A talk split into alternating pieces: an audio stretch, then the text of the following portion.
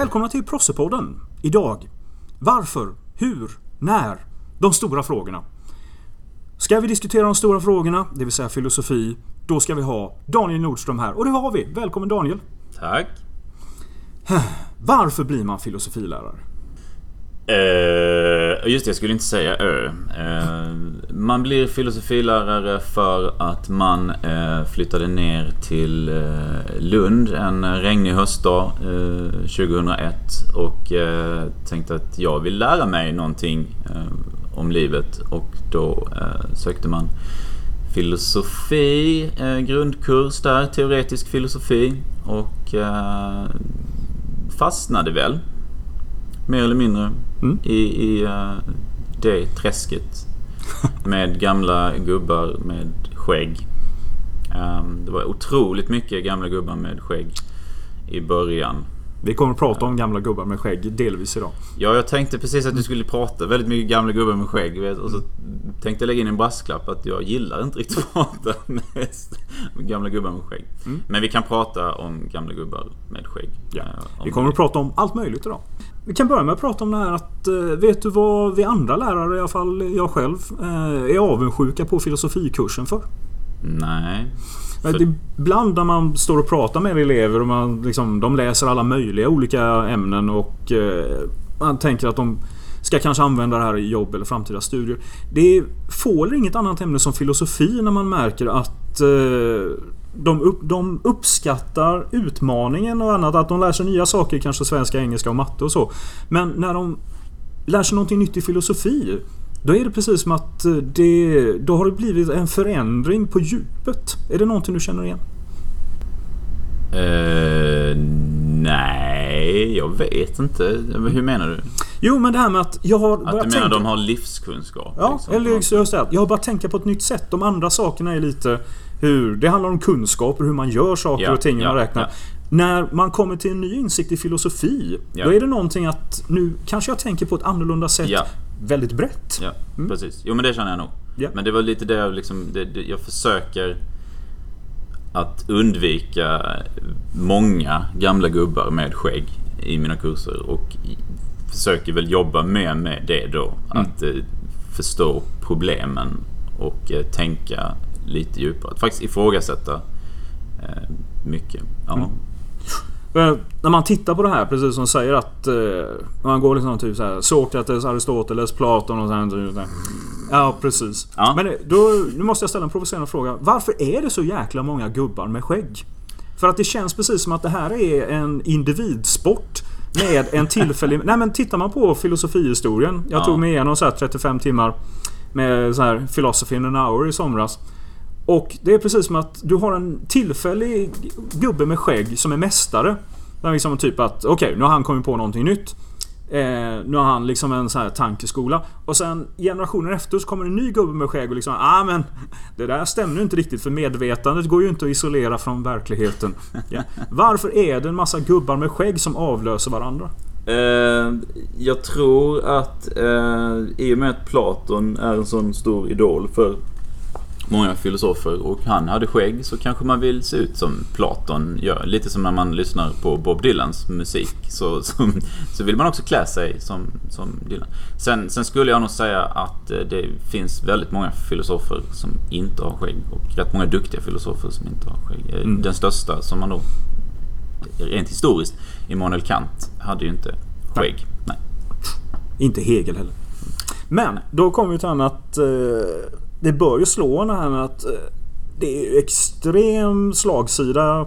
Ungefär som USAs presidenter. Det är, det är vita medelålders döda män som är filosofer känns det som här. Ja. Uh, nu säger jag att jag tror att alla är filosofer. Ja. Nej. Ja, ja, jag har också funderat på det. Men det... Är det inte så i de flesta akademiska ämnena överhuvudtaget. Jo. Alltså det, det, handlar väl mycket om att kvinnor inte tilläts gå på universitetet och, eller tilläts tänka eh, överhuvudtaget. Mm. Eh, så nej, det är väldigt dåligt med kvinnliga filosofer. Mm. Um, För det, jag tror att det var precis det du var inne på där. Att om man tittar på annat. Det finns liksom ändå någon så här. Det finns en Marie Curie och ja. Eh, det finns eh, Selma Lagerlöf, vad vi, mm. så vi pratar om litteratur eller naturvetenskap. Att eh, det finns de här enstaka liksom, ljusen i liksom, det manliga mörkret. Men just med tanke på att filosofi är det här breda ämnet med liksom, livskunskap och det där att där kanske var som skulle varit som mest känsligt att utmana. Mm. Det är som man tänker patriarkat och mm. liksom, gamla rutiner. Mm. Att, eh, det hade ju varit kul ifall eh, den här upplösta tiden vi är nu mm. eh, hade kunnat bryta det. Men för det är min nästa fråga. Att är det slut på de här gamla gubbarna med skägg nu? För det känns ju lite som att eh, Eh, det fanns ju om man tänker så här fransmän på 60 och 70-tal med liksom kanske Foucault och ett par till. Mm. Men det har inte kommit någon sån här tydlig som har plockat upp eh, stafettpinnen efter det. Är det liksom plats, är det ett vakuum nu, plats för nya, nya tänkare? Eller är det förbi det här med att det är enskilda individer som skapar liksom sammanhängande tankeskolor? Ja, kanske. Alltså den debatten som jag följer tydligast just nu är ju den mellan uh, Sam Harris och Daniel Dennett. Som handlar lite om den fria viljan uh, mm. och determinismen. Uh, Daniel Dennett har ju jättestort skägg. Men han har dessutom fel, tycker jag. Skägg och fel? han har skägg och fel. Det är det Platon hade också väldigt mycket fel. Um, Men för det här är intressant. Kan du bara kort lite för mig och för lyssnarna. Att, eh, vad är deras åsikter om det här? Ja, alltså det, egentligen handlar det om den fria viljan. Om vi människor har fri vilja. Uh, och det tar sig väl någon form av grund i orsak och verkan. Om du till exempel står i affären och så ska du välja mellan mellanmjölk eller lättmjölk. Och så står du där och tänker, åh jag har ju en fri vilja, tänker du. Jag tar lättmjölk. Ja. Och så tog du lättmjölk. Men om man då teoretiskt sett skulle spola tillbaka tiden till det ögonblicket när du valde lättmjölk. Så fanns det ju egentligen ingenting som hade hänt innan som inte hade hänt. Så att säga. Så det ögonblicket när du valde lättmjölk hade ändå skett. Alltså saker i din hjärna hade varit ordnat på ett sånt sätt så du hade valt lättmjölk ändå. Liksom. Mm. Om man då följer de, kausala eh, reglerna. Och då har vi ju ingen fri vilja enligt den definitionen. Eh, fri vilja. Och då säger Sam Harris att så är det. Vi har ingen fri vilja. Vi kan släppa det. Varför diskuterar vi överhuvudtaget? Och sen säger Daniel Dennett att jo, det har vi ändå. Och här är vi inne på någonting som heter kompabilitism. Och det är den här podden nog alldeles för kort för, för att förklara. Men, men på något sätt går det ut på att om vi tror att vi har en fri vilja så har vi det ändå. Och jag har pratat rätt mycket med Poya om det här och även Lukas. Lukas är ju lite Daniel Dennett förespråkare medan Poya och jag kanske på något sätt mer då håller med Sam Harris. Men Alltså det blir lätt så här att när man har en när man har någon idol. Eller liksom man tänker så här Daniel Dennett liksom. Jädrar, han är duktig, han är påläst. Och så försöker man förstå hans teorier. Och så känner man så här, och så har väl både Poja och jag känt så här. Men jag fattar inte riktigt. Och då känner jag, det är nog jag som inte riktigt förstår. Men jag tror fan att det handlar om att han har bara fel. Mm. Alltså, men man är så underlägsen rent auktoritetsmässigt så man känner att det, det måste ligga någonting mer i det han säger. Mm. Eller? Men det, jag tror nästan jag känner igen det här från om inte så från filosofi så från religionen. Mm. Jag vet ju när för länge sedan när dinosaurierna styrde jorden och jag gick i gymnasiet. Mm. Så vi fick göra ett Hur funkade det? Med... Nej men det, man, fick, man fick ducka förbi de sabeltandade tigrarna för att komma till grottan där skolan var. Men det, det var okej. Men vi fick göra studiebesök hos Hare Krishna. Här, höll till i en villa ute i Göteborg där jag växte upp. Och det var just att den här villan, där var väggarna fyllda med böcker. Alltså tusentals med verk och det var tjocka inbundna böcker. Och de presenterade då liksom alla sina vet du, lager utav medvetande och historia och återfödande och allting. Och vi allihop som kom ut därifrån liksom man ändå tänker kanske lite så här aviga eller liksom eh, tonåringar då så här, Tänk om de har rätt! Men alla de här tusen böckerna måste ju ändå vara grundade på någonting. Yeah.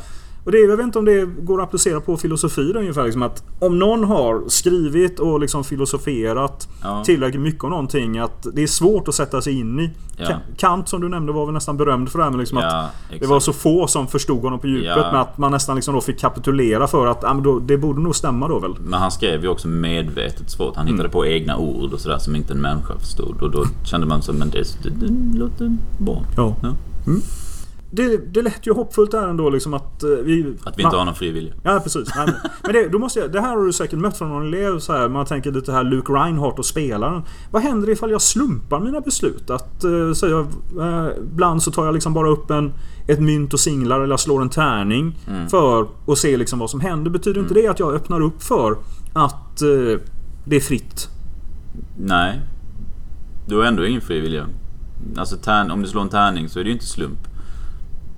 Alltså det, det, det, är ju på den nivån. Alltså, du kan ju känna att du har en fri vilja. Det är klart att, att, att så här, rättssystem och så måste ju utgå på något sätt från att det, så du valde att råna den banken och sådär. Mm. Så i vardagen så måste man ju typ... Det tycker inte jag man borde kalla det fri vilja. Det borde man på något sätt kalla det något annat. Men alltså den tärningen du slår har ju en hastighet och den har ju en rotation och den är ju uppbyggd på samma lagar som mm. allting annat. Så den kommer ju landa på en sexa oavsett. Mm. Men det är också det, man kan också tänka att det är ju du då också som sätter param alltså ramarna, parametrarna ja. för det här. Det vill säga att om du tänker att ja, blir det en etta, tvåa så rånar jag banken. Blir det tre, fyra så köper jag lättmjölk. Ja. Blir det en femma, sexa så eh, köper jag liksom mellanmjölk. Och då är det frågan, har du ett fritt val när du skapar det här? Och då skulle man ju kunna hävda, det har du inte. Nej, så att det enda du får in där liksom, du får in en oreda in i systemet. Mm. Eller du får in en slumpmässighet men du får inte in en fri vilja i så Nej. fall. Nej.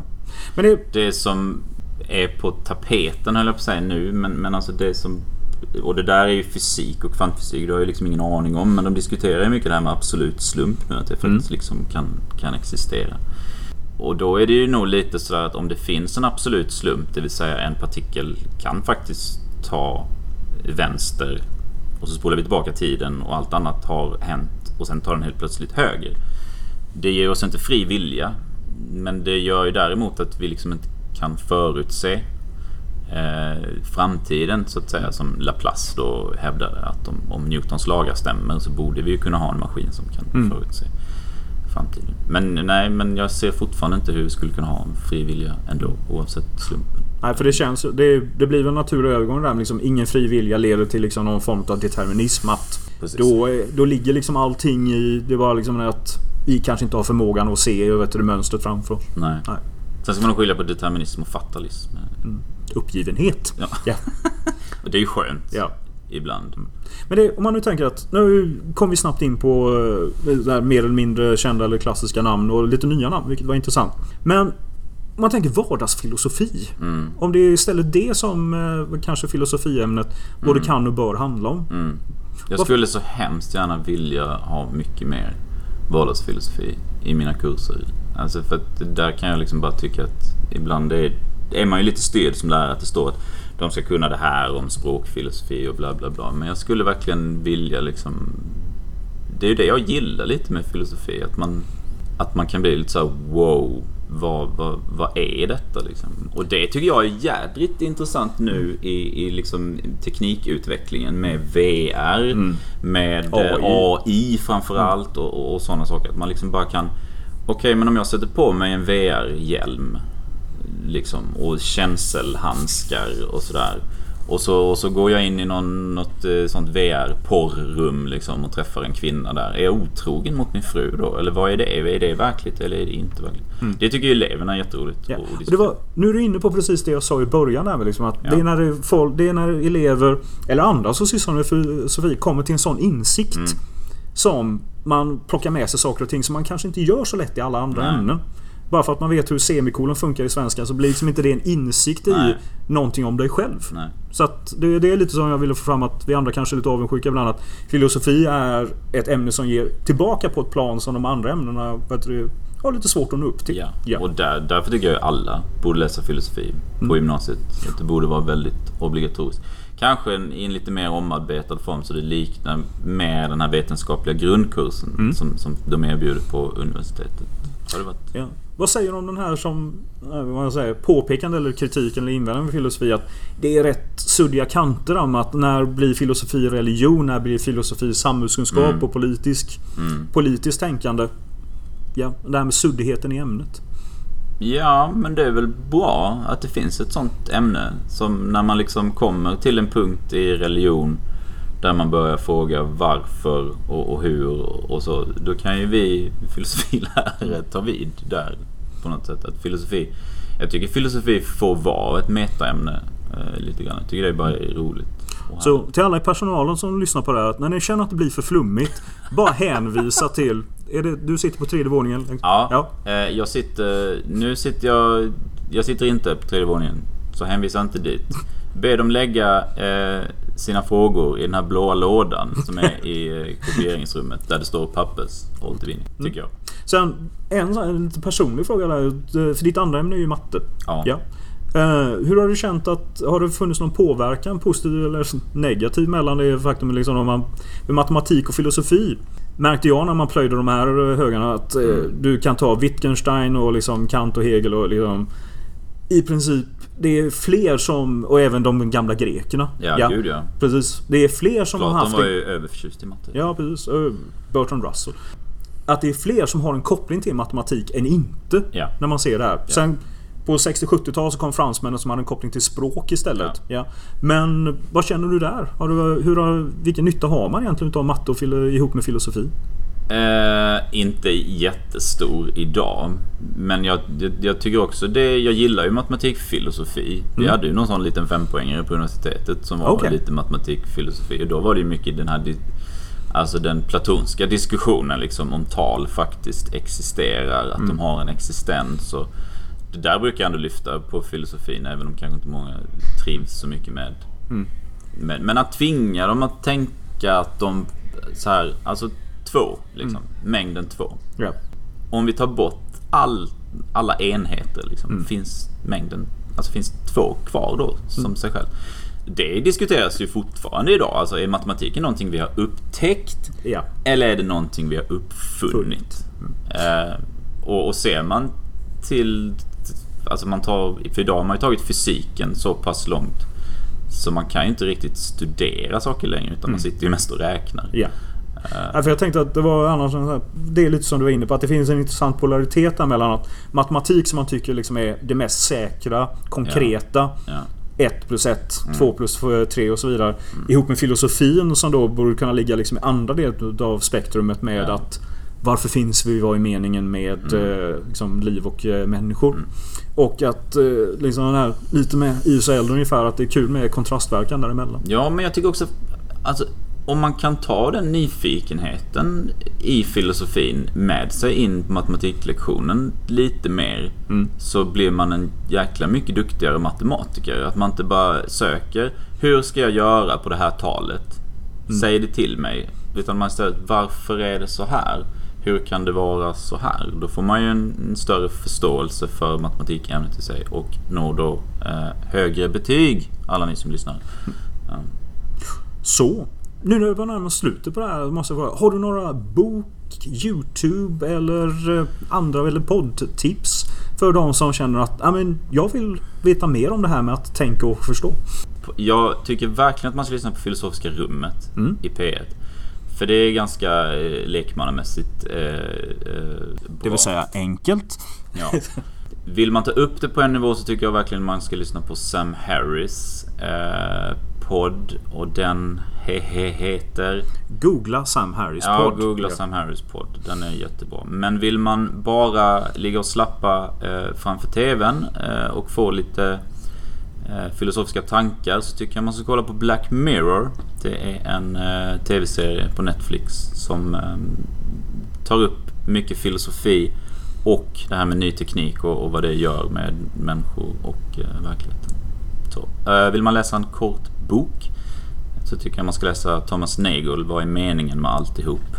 Eh, sammanfattar mycket de grundläggande tankarna inom filosofin. Sen kan man ju också läsa eh, Kants eh, kritik av det rena förnuftet på Mm. originalspråk, tyska. Ja. Om man Ja, vill. vi, rekommenderar pocketversionen på den. Nej, var, var det inte Kant som sa liksom att uh, det är bara sex personer som har läst det här och uh, utav de sex är det bara två som förstår det och de ljuger?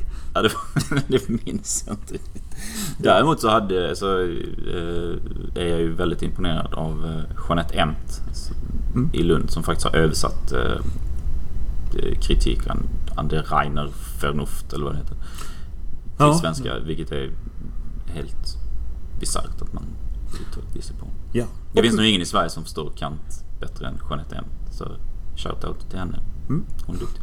Och med ordet bisarrt så har vi närmat oss slutet på det här. Vi har fått mycket att tänka på och det är väl det som filosofi går ut på. Just det, jag brukar säga det till mina elever. Filosofin handlar mycket om att tänka på vad man ska tänka på.